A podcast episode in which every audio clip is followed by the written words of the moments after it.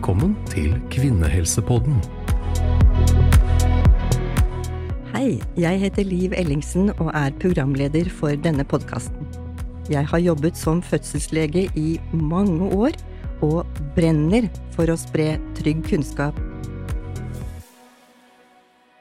I dag skal vi snakke om å ta abort og om prevensjonsskepsis. Abort er et sensitivt tema for mange kvinner, og det kan være svært vanskelig å bestemme seg for å fullføre eller avbryte et svangerskap. Mange kvinner savner mer informasjon, de syns det er vanskelig å spørre. Og derfor vil vi bruke denne episoden til å snakke om abort og til å spre trygg kunnskap. Den siste tiden har det vært mye snakk i media om at aborttallene øker, en av de som har uttalt seg om dette, er dagens gjest, Tine Sande. Tine er sykepleier og seksjonsleder ved gynekologisk poliklinikk på Ullevål. Hver dag møter hun kvinner som kommer til klinikken for å gjennomføre en abort. Hun har stort hjerte for disse kvinnene, og hun vil dele sine erfaringer og sin kunnskap. Velkommen til oss i dag, Tine. Tusen, tusen takk. Hva er det første man gjør når man er gravid og begynner å tenke og vurderer om man skal ta abort? Det vi har erfaring med, er at de har jo et behov for å prate med noen, og så er det ikke alltid like lett å vite hvem man skal prate med. Fordi at når du oppdager at du er gravid og tenker umiddelbart at oi, hva gjør jeg nå, for dette var ikke planlagt, så må man jo tenke litt igjennom ønsker jeg å stå i dette og fullføre en graviditet, eller ønsker jeg å avslutte det? Og da er det jo ofte sånn at man kan prate med enten kjæresten sin eller mannen sin eller noen venninner, ta kontakt med noen som har litt informasjon om det, som man føler seg fortrolig til. Men så er det jo sånn vi oppdager at det er jo nettopp dette mange føler er veldig vanskelig å prate med noen andre. Så vi opplever jo da, når de har tenkt seg litt om og funnet ut at ok, jeg ønsker å avslutte svangerskapet, da ringer de ofte til det sykehuset som de hører til. Så da tar man en telefon. Eh, mange tenker kanskje at de skal ringe til fastlegen? Ja, for det, er det, det kommer nok ikke sånn kjempegrundig frem, det der. Fordi at før så var det mer at man måtte ha en henvisning, men så har de gått bort fra det. Så det er riktig det du sier, de trenger ikke noe henvisning, kan bare ringe direkte inn på sykehusene. Ringe direkte til det sykehuset man tilhører. Riktig. For da har man forskjellige sykehus ut ifra hvilket distrikt man hører til. Og hvis man ringer sykehuset, må man ha bestemt seg for abort da? Nei, det er det som er så fint. Man trenger ikke å ha bestemt seg. Det tror nok veldig mange, så vi er veldig opptatt av å påpeke det. At eh, selv De ringer og spør, eller de kan godt si sånn eh, Jeg har oppdaget at jeg er gravid, og jeg er veldig usikker på hva jeg skal gjøre. Og da kan vi si sånn at eh, selv om du er usikker nå, så kan vi gjerne sette deg opp på en time. Vi kan gjøre en ultralyd og bekrefte graviditeten. Men du trenger absolutt ikke å ha bestemt deg til du kommer til oss. Nei. Så det er lav terskel å ringe til dere? Det er lav terskel, absolutt, ja. Så fortell litt, da. Hvis man ringer og, og ønsker et uh, avbrudd, som vi kaller det, mm. uh, og får en time, hvordan, hvordan, skjer det? Man kommer inn på sykehuset. Skal man komme alene? Skal man komme sammen med noen? Man kan få lov til å komme sammen med noen. Det er litt opp til uh, den enkelte. Vi, vi, så i pandemien at veldig mange ønsket å ha noen der, men da var det ikke lov, faktisk, for da var det strenge regler. Så når vi tok vekk den regelen igjen, så var det mange som følte veldig trygghet ved at de slapp å måtte komme alene. Men da har vi noen råd, fordi at det, det å sitte på venteværelset alene kan være litt tøft. Og da er det fint å ha støtte, men idet vi skal gjøre undersøkelsen, så kan det faktisk være fint å komme inn alene. Ja. Men det er selvfølgelig opp til den enkelte. Vi bestemmer ikke det, men vi anbefaler, da. Så kan man lure på hvorfor vi anbefaler det. Men det er egentlig litt for at når man er der, Kanskje man ønsker en fortrolig samtale, kanskje man ikke egentlig tør å si alt til den man er sammen med, at man vil ha det litt for seg selv. Det kan være litt private ting. Ja. Men før vi kommer så langt, så er det viktig å si at når de ringer til oss, og de får en time, så er det viktig at vi kartlegger dem. Ja. Og når jeg sier kartlegge, så mener jeg egentlig bare at vi må vite litt mer om dem. Og da er det viktig å vite ok, lengde på graviditeten, står de på noen medisiner som vi må ta hensyn til, har de vært igjennom dette før? Har de født barn? Det er mange forskjellige spørsmål som er ja. viktige for oss å vite, sånn at de kan føle en relasjon og tilknytning til oss, sånn at de føler at de er ivaretatt før de kommer. At vi skaper en relasjon i den telefonsamtalen. Så dette blir du spurt om når du ringer inn til sykehuset og sier at du lurer på å ta abort. Ja, Ja. det gjør vi. Vi spør om siste mensens første dag. Det er viktig med tanke på å vite lengde på graviditet. Det, er, det syns nok noen er litt sånn litt for privat. Og så lurer de på ja, hvorfor lurer du på det? Og så må vi forklare at dette er ene og alene for å vite hvor langt du er gravid. Ja. For vi ønsker at vi skal kunne ta deg inn til en undersøkelse så tidlig som mulig, at vi kan bekrefte graviditeten. Samtidig at ikke det er for langt mot at man må tenke på den selvbestemte abortgrensen, da. Så ikke for tidlig og ikke for sent. Ja, det, man kan egentlig oppsummere det sånn. Mm. Mm. Men da når man da er ferdig med den samtalen, og man kommer inn til denne undersøkelsen, er det lege man kommer til? Hos, eh, jeg jobber på Ullevål sykehus, Ja. så hos oss nå så er det sykepleiere som gjør denne ultralyden. Ja. På andre sykehus, ikke alle, men enkelte andre sykehus, så er det leger som fortsatt gjør denne ultralyden. Men så jeg får, jeg får prate litt om erfaringen fra hos oss, da. Mm. Og da er det jo sånn som eh, du sa i sted, at det starter med at de ringer til oss, de får en time, og den dagen de kommer, så blir de ankomstregistrert, må fylle ut noen eh, skjemaer for at vi får litt opplysninger om dem, og så er det en sykepleier som tar de inn. Og da gjør eh, sykepleieren først en god samtale med dem, og liksom ja, velkommen til oss, så er det sånn at du er her fordi du ønsker å gjøre et, eh, eller ta abort. Så er det noen som kan si sånn ja, jeg har ikke helt bestemt meg, ja, men det går fint. Og så er det liksom viktig å prate litt med dem om det er noe de lurer på. Og så tilbyr vi dem at vi tar en klamydiatest, klamydia-test, altså en kjønnssykdomstest. Ja. For det er jo viktig også å passe på det. Og når vi har kommet så langt, så er det jo da at vi kommer til at vi skal gjøre ultralydundersøkelsen. Så er det jo noen av disse jentene da som aldri har gjort dette før. Og da skal man jo prøve å forklare dem at vi skal være forsiktige, og det er ikke farlig, og at det er viktig at vi tar det etter deres tempo, da. For noen syns jo dette er veldig skummelt. ja. Og hvorfor gjør man ultralyd? Man gjør en ultralyd for å bekrefte graviditeten. For å se at graviditeten sitter på rett plass. Ja. Og at det er riktig lengde. Ja, helt riktig. Og riktig lengde, da er det jo sånn at for at man skal kunne gjøre en medisinsk eller kirurgisk abort, så må man jo kunne bekrefte graviditet først. Og så har vi regler, fordi hvis man ønsker å gjøre dette i narkose, så må man være lenger enn syv uker gravid. Og man kan ikke være lenger enn ti uker gravid hvis man skal gjøre medisinsk abort hjemme, så det er litt sånne regler i forhold til hvilke prosedyrer vi kan gjennomføre. Ja. Og hvis det er over tolv uker, som jo er abortgrensen for selvbestemt abort i Norge, Hvis du er over selvbestemt-grensen, så må man inn i nemnd. Og nemnd, bare ord i seg selv, er litt skummelt for veldig mange å lure på å nei, hva, hva, hva betyr det?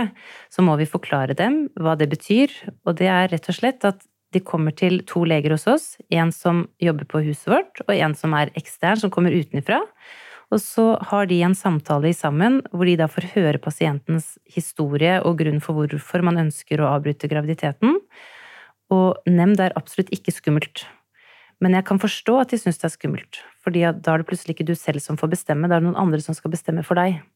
Men hvis du klarer og er sikker og trygg på deg selv og vet at dette ikke er noe tvil rundt din avgjørelse, så vil det mest sannsynlig gå veldig fint. Men det handler jo litt om hvor langt gravid du også er. Ja. For vi kan jo si at de aller, aller fleste får innvilget denne begjæringen i nemnd De aller fleste fram til uke 22. Ja, de aller fleste får det. Men så må vi også si det at etter uke 18 så er det jo vanskeligere. Men samtidig er det viktig å vite at det er en mulighet. Det handler hele tiden om din historie, for noen ganger så kan de oppleve at ikke de oppfattet sin graviditet før de faktisk er uke 18. Det kan være unge jenter som eh, kanskje har forstått det, men fortrenger det. Og da er det også viktig at de også ikke blir redde for at å ja, nå er jeg over 18, da er det vanskeligere. Men man må vite at uh, man møter to leger, prater med dem, og de ønsker å gjøre det beste for deg og din situasjon, så de hører på det du har å si. De er jo ikke der for å gjøre det vanskelig for deg. Mm. Så nemnd er ikke skummelt. Det kan jeg konkludere med. Det kan jeg konkludere med, det er ikke skummelt. Det er for deg. Og så når man har gjort den undersøkelsen, Mm. så må man bestemme seg litt for hvordan den eh, aborten skal eh, foregå. Og du snakket om medikamentell og kirurgisk abort. Kan du fortelle litt mer om det? Ja, I utgangspunktet så har vi to metoder, sånn som du nevner, og det er enten at man gjør det med medisiner, medikamentell, eller så gjør man det kirurgisk, og da legges man i narkose. Ja. Og det er viktig for oss at pasientene vet at de kan til syvende og sist velge hva de ønsker. Men vi er jo en rådgivende og veiledende part, og det er viktig for oss at vi får frem for dem at vi vil at de skal få den beste behandlingen og den tryggeste for dem, og da er det jo ingen tvil at det er med medisiner. Ja. Og hva er det som er mest vanlig? Det er mest, mest vanlig nå er det å gjøre det med, med medisiner. Ja. Men vi ser på tallene fra Ullevål at vi har et høyt tall på kirurgisk abort også i forhold til de andre sykehusene. Når da sykepleieren har gjort eh, ultralyd av kvinnen og bekreftet graviditeten, så vil man jo da finne ut hvor langt gravid denne kvinnen er. Og da er det jo viktig at man blir enige om om dette skal være en medisinsk behandling eller kirurgisk. Og så blir man enig i det, og så kan man godt si at hun velger medisinsk abort. Og da må vi finne ut ok, er det medisinsk hjemme eller er det på sykehus. Og da handler det om hvor langt gravid hun er. Og så sier vi da at hun ønsker å gjøre dette medisinsk hjemme. Og da er vi på en måte ferdig med den seansen, og da går den pasienten, setter seg ut på venteværelset. Den sykepleieren som har undersøkt henne, hun går og gjør en rapport til en annen sykepleier. For vi jobber i et team. Og så da gir vi en rapport med grundig informasjon. Det er viktig da å vite om det er noen medisiner hun står på, om det er noe bakgrunnshistorikk som er viktig å vite, sånn at vi tilnærmer oss henne på best mulig måte. Når den da som har fått denne rapporten er klar og frem, ordnet alt og lagt frem det hun trenger å gjøre, så vil da den pasienten bli hentet av den sykepleieren. Så går de inn og setter seg, og da er det nye 30 minutter til den samtalen. For det er 30 minutter inn på ultralyd, og så er det 30 minutter på informasjon. Så vi har egentlig god tid til pasienten. Det er godt å vite. Her får man muligheten til å dele det man har. Mm. Ja, fordi vi er så opptatt av at de virkelig skal føle at de blir ivaretatt. Mm. For vi opplever at de føler seg ensomme, og at de ikke har god nok informasjon. Og når de er hos oss, så skal vi i hvert fall gi det beste vi kan gi til dem, sånn at de føler at de blir ivaretatt, og at de kan gå fra oss i den visshet om at de er trygge. Så når pasienten kommer inn for informasjon, så vil vi jo da gi behandlingen, og da er det medisiner. Da er det en tablett som heter Mifigyn, som skal svelges hos oss. Man kan ikke ta med den hjem, den må være tatt på sykehuset. Men da er det viktig at vi ser at papiret som sykepleieren har skrevet på, som er en begjæring, det er viktig at da pasienten har signert på den begjæringen, fordi at det ikke skal bli et problem i etterkant at pasienten f.eks. sa at ja, men jeg ville jo ikke, det var mot min vilje. Så det er viktig at en begjæring blir signert. Så det er en sånn formell ting at alle de som skal gjennom en abort, de må ha begjær, skrevet en svangerskapsbegjæring. Ja, riktig. Mm. Det er viktig. Og så er det jo sånn at noen har signert på den, og så er de ambivalente, altså usikre. Så må jo vi si at det er jo ikke bindende, dette her. Det er jo lov å si at man ombestemmer seg. Det er mm. også viktig å si. Men når de da har fått den tabletten Mifigyn, så er det viktig at de venter i 36 timer før de fortsetter med behandlingen hjemme. Ja. Og når det er gjort, så vil de da få med seg Eller de får med seg en konvolutt fra oss, da. Og da i den konvolutten så ligger det en del tabletter. Det er kvalmestillende, og det er smertestillende, og det er eh, Cytotec-tabletter. Disse Cytotec-tablettene de skal du da inn i skjeden for at de skal gjøre limoen klar til å modnes og blø ut det som er avsluttet. Og da er det viktig for oss å gi beskjed om at dette her kommer til å bli smertefullt og ubehagelig.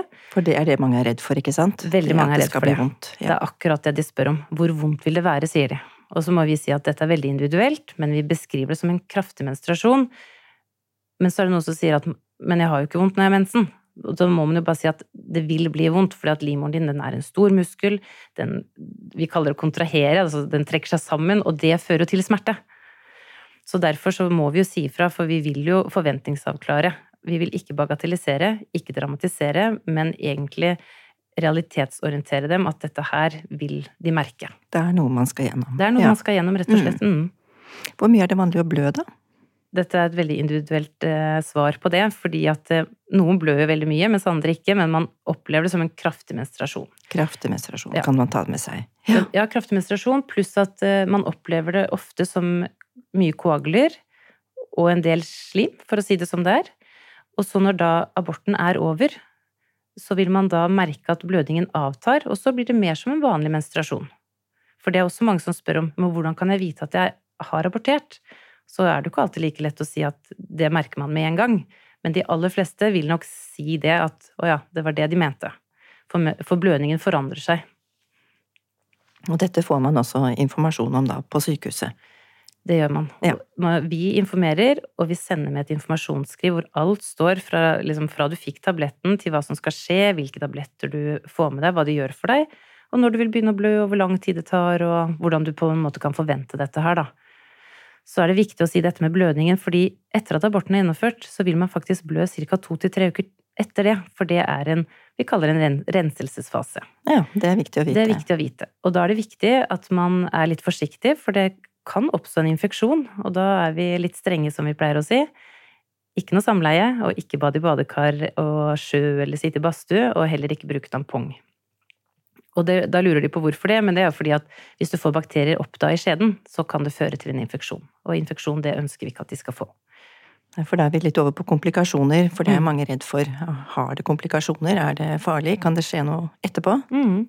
Det er mange som lurer på det, og det aller meste de er redd for, er om de kan bli gravide på nytt. Ja. Og svaret på det er jo ja, fordi at det har jo ikke noe med fertiliteten vår å gjøre. Det handler jo ikke om eggene vi har fått, men det handler bare om at vi må være forsiktige for ikke påføre oss en infeksjon.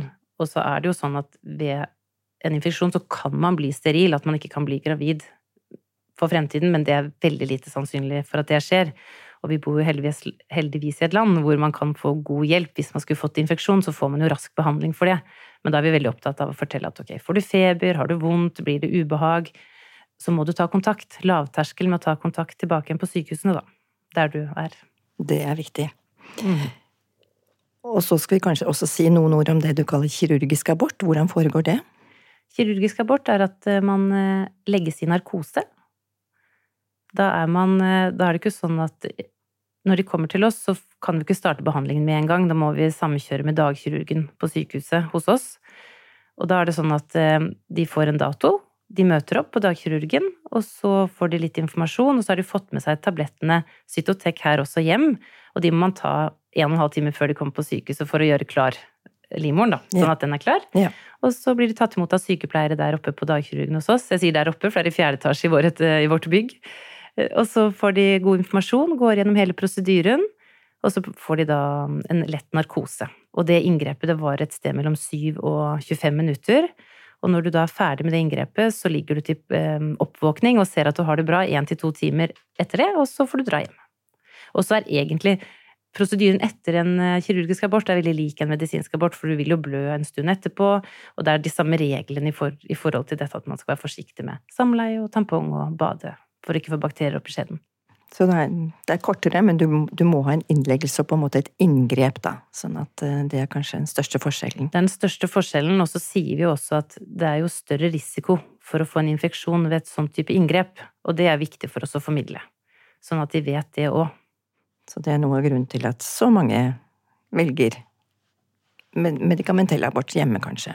Ja, jeg tror det er én ting, men samtidig også fordi så velger de nok medisinsk hjemme også, fordi at da kan de allerede gjøre det samme dagen når de er hos oss. For når vi har bekreftet en graviditet, kan de få tabletten og så dra hjem. Ja. For mange er jo veldig opptatt av at de helst ville vært ferdig i går. Liksom bare bli ferdig med det. Mens på dagkirurgen så må du kanskje vente noen dager før du får ny time. Og da må du gå i den tilstanden litt lenger enn det du kanskje egentlig vil. ja. Så derfor så tror jeg nok at noen også velger bort kirurgisk av den grunn, da. Du kan styre det mer selv. Mm. Riktig. Så er det mange som bruker mye krefter på beslutningen, og de gruer seg for å, selve aborten. Men så er det også tiden etterpå, da, Tine. Hvordan er det? Hvordan har man det etter man har tatt abort? Jeg skulle ønske at jeg hadde visst det litt bedre enn det jeg gjør, men det jeg har erfaring med, er at for noen år tilbake så ringte vi alle pasientene tilbake innen en uke etter at de hadde gjennomført abort. Og da var det veldig mange som ikke svarte den telefonen, altså de besvarte ikke telefonoppringningen fra oss. Og så lurte vi på om de ikke turte, eller om de bare rett og slett ikke ønsket. Men så var det noen som svarte, og da fikk vi gode tilbakemeldinger på hvordan det var i forhold til at ok, dette var veldig vondt, det var mye vondere enn jeg hadde trodd.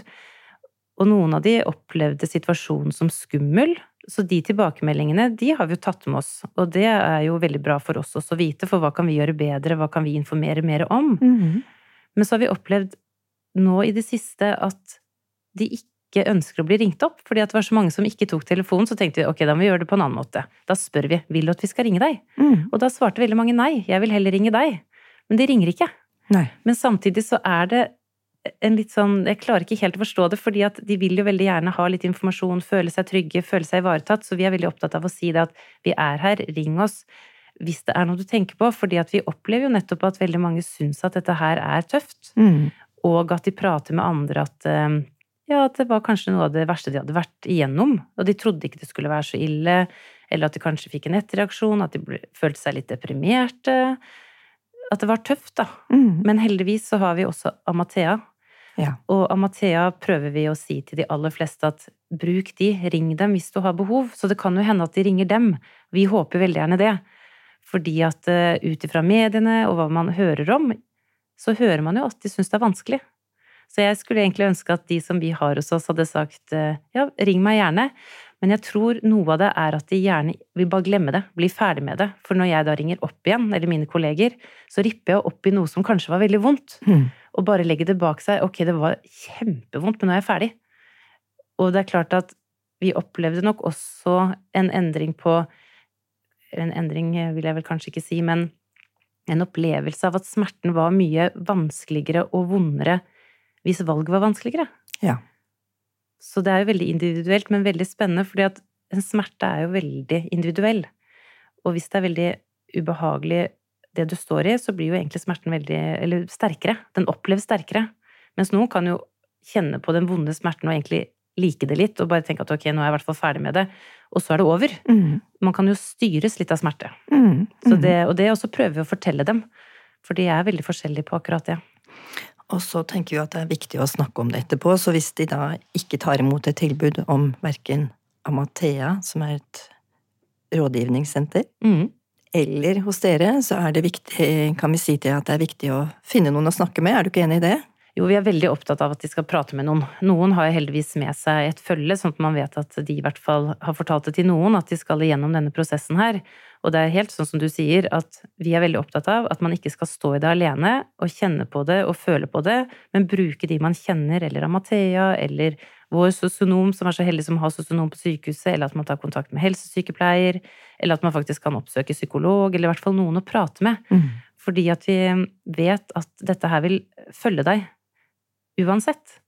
Og kanskje man om en liten stund ser seg tilbake og begynner å angre, så er det viktig også at de skal vite at det valget jeg tok da, det var riktig for meg da. At man ikke skal begynne å klandre seg selv, og da er det veldig godt å ha noen å prate med. For hvis ikke, så blir det bare seg selv, og da kan det bli veldig vondt. Mange tror at eh, det å ta abort i dag er blitt så lettvint. Kan du si noe om det? Det Syns kvinner det er enkelt å ta abort?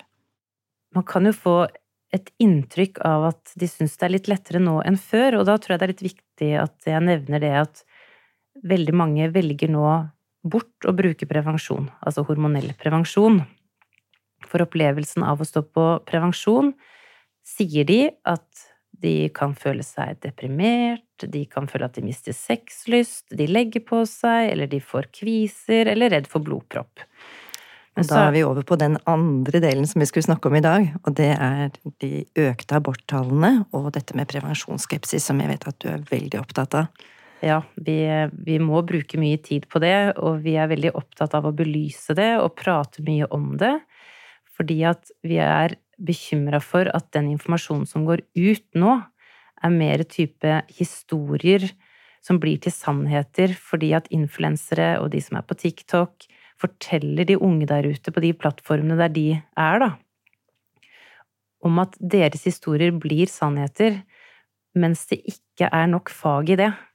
Og Tenker da, du historier om eh, prevensjon? Ja, ja, historier om prevensjon. fordi at de kan fortelle at livet er helt fantastisk uten prevensjon. Prøv det. Jeg har det Det er liksom ingenting som er bedre. Kroppen min er ren. Stol på naturen. Gå, gå uten. Det går fint. Og så er det mange selvfølgelig som tenker at ja, det har jeg også lyst til, for det er jo litt ubehagelig, kan man tenke.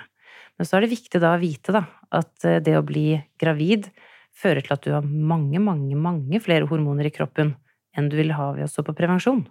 I forhold til eh, bivirkningene så er det jo mye mer belastende for kroppen å først bli gravid når du ikke ønsker det, og så gå gjennom en abort. Den belastningen er mye større enn å stå på prevensjon. Så det vi savner nå, da, er at vi ønsker at kunnskapen om dette her skal nå dem, istedenfor de historiene som ikke er riktig ut ifra fag og kunnskap. Så det jobber vi veldig mye med på sykehuset hos oss nå. At vi, når vi først har det hos oss, så er det viktig å snakke om dette, gi god prevensjonsveiledning. Så når de går fra oss, så skal de helst ha fått med seg en resept og at vi skal forklare dem hvorfor det er viktig, og hva som er bedre med å stå på det enn at man til stadighet må gå gjennom aborter. Og så er det noe med det, da, at det er fint å kunne stå i et forhold og kunne ha sex uten å være redd for å bli gravid. Mm. Fordi at de vet vel egentlig at det er en tøff belastning. Ja. Men allikevel uh, så tenker jeg at det er mer attraktivt å ikke ta prevensjon. Men når de kommer i situasjonen og kjenner på at ok, jeg gjør en abort, så sier de jo etterpå at jeg skal aldri mer gjøre dette igjen. Og da håper jeg jo at det også ikke skjer, da, for dem. Abort er verre enn å bruke prevensjon, det er vi vel ganske enige om, vi. Ja, det, det må jeg kunne si. Men så er det også viktig å presisere, og det er jeg veldig glad for, at vi bor i et land hvor at vi kan gjøre abort. Men det er viktig at ikke det er en plan A. Fordi at man er av og til i et liv uheldig og kommer i en situasjon hvor det ikke er forenlig å kunne fortsette sin graviditet, og da er det fint at man skal kunne gjøre abort. Så det er også viktig å si. Mm. Mm. Her må man tenke begge tanker. Man må, ja. Stemmer det virkelig at det brukes mindre hormonell prevensjon, som vi kaller det? Mindre p-piller og Ja, nå har det jo vært mye i mediene om det her. I 2022, sånn rundt juni, så begynte vi å ane noe. Men så er man jo veldig forsiktig, man vil ikke skylde på noen, men vi, vi så en trend, og svarene vi fikk var jo at de valgte å gå av prevensjon fordi de hadde lyst til å stå uten, fordi de skulle, kjenne, de skulle finne seg selv, de skulle kjenne på det å være uten. For dere snakker med kvinnene om hvorfor de om de har brukt prevensjon, og hvorfor de har sluttet med det? Jeg tror nok at de får en følelse av at de må svare opp. Mm. Fordi at vi stiller de spørsmålet brukte du prevensjon da du ble gravid? Og da får man eh, ja, man får litt forskjellige svar, men eh, de fleste kan svare sånn eh, nei, jeg gjorde ikke det. Og så merker du at det syns de var litt flaut. At de skjønte at det var dumt. Men samtidig er det viktig for oss å og grunnen til at vi spør om det, er jo egentlig bare fordi at hvis veldig mange svarer at ja, jeg står på prevensjon, men det ikke virker, så må man jo vite om man skal gjøre en endring i forhold til medikamentet. Så det, det handler jo om det også, men de opplever nok at dette her er litt for å høre bruker du eller bruker du ikke. Mm. Men svaret til deg er at flere enn før, enn tidligere, sier at ikke de bruker prevensjon. Nettopp fordi at de ønsker å gå uten, for de mener det er bedre. Og det er jo rett og slett en trist utvikling. Det og det har ført til økende aborttall. Si litt mer om det. Ja, det er helt klart tydelige tydelig tegn og bevis på at eh, det har økt. Fordi eh, vi hadde jo den bekymringen i 2022. Vi så det komme. Vi lurte litt på er dette egentlig bare en reaksjon fra 2021, at pandemien er over, vi kan leve fritt igjen, vi kan møte folk, vi kan, vi kan liksom ta opp igjen sexliv og treffe mennesker. For under pandemien så var det lavere aborttall. Det var akkurat det. Det var veldig mye lavere. Og vi skjønte jo fort at det var en årsak til det. Og så tenkte man ok, nå er landet åpnet igjen, da vil vi jo se at det vil kanskje gå tilbake igjen til hva det var. Men når vi var tilbake igjen og gikk over der igjen, så tenkte vi at nå er det noe annet, men hva er det for noe? Men så så vi jo da en rød tråd i dette. De svarer at de ikke vil bruke prevensjon. Hormonell prevensjon. Ja. Så tallene har økt. De har økt mye. Så det er eh, vanskelig faktisk å gi alle de pasientene time når de ønsker det. Ja, ja. For det å vente i to og tre uker før de får en time hos oss, det er ikke alltid like lett. Og da blir jo vi litt fortvila og litt lei oss også, for vi vil jo gjerne, men det er bare ikke kapasitet til det sånn som det er nå. Det er sprengt. For før dette så har det jo vært eh, egentlig fallende aborttall i veldig mange år. Og så kommer det altså nå rett og slett en økning. Ja. Ja. Og da er det rett og slett et svar på det, og det er at eh, den hormonelle prevensjonen har de sluttet Ikke sluttet med, men eh, flere ønsker å ikke bruke det.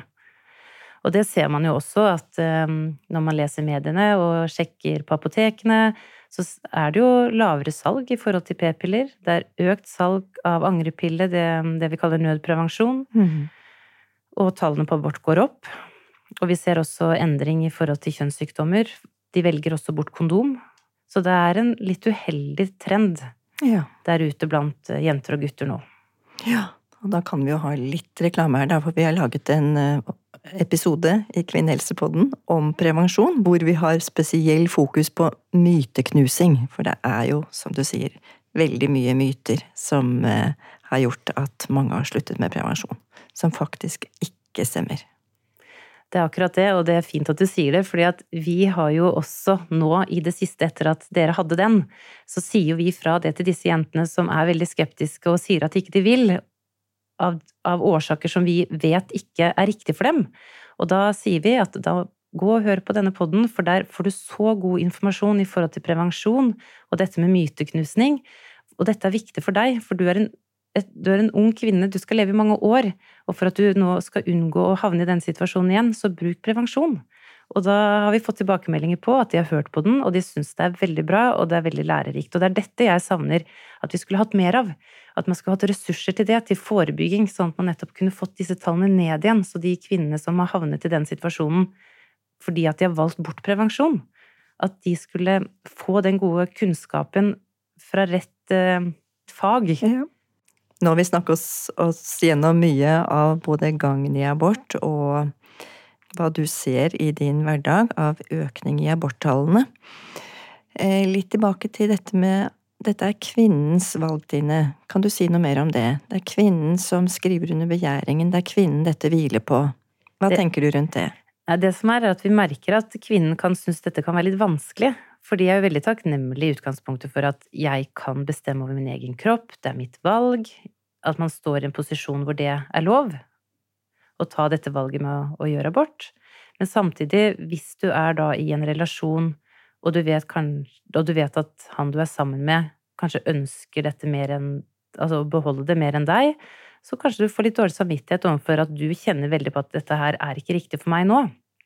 Eller at kanskje man har en forelder som mener at eh, det ikke er forenlig nå, eller at man får litt press fra ytre faktorer så er det litt vanskelig allikevel å ta dette valget, selv om du er heldig å ha det. Så vi snakker en del om det. Noen har veldig behov for å prate om det, noen vil ikke ta, ta så mye del i det. Så vi merker jo at det er eh, absolutt et tema og noe vi må forholde oss til. Og støtte, vil jeg si, pasienten av og til. Og vi, i de tilfellene hvor dette kan bli konfliktfylt, så passer vi alltid på å dra inn sosionomen vår for at hun kan også ha ekstra gode samtaler dersom det er noen konflikter innad i et par, eller at det er vanskelig med valget, da.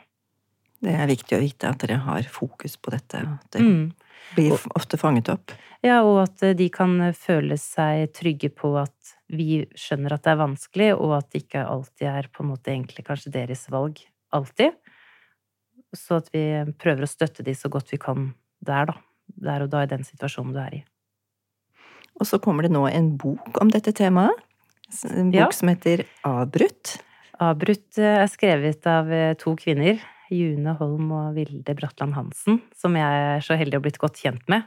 De tok kontakt eh, på sykehuset i fjor, sånn midten av 2022.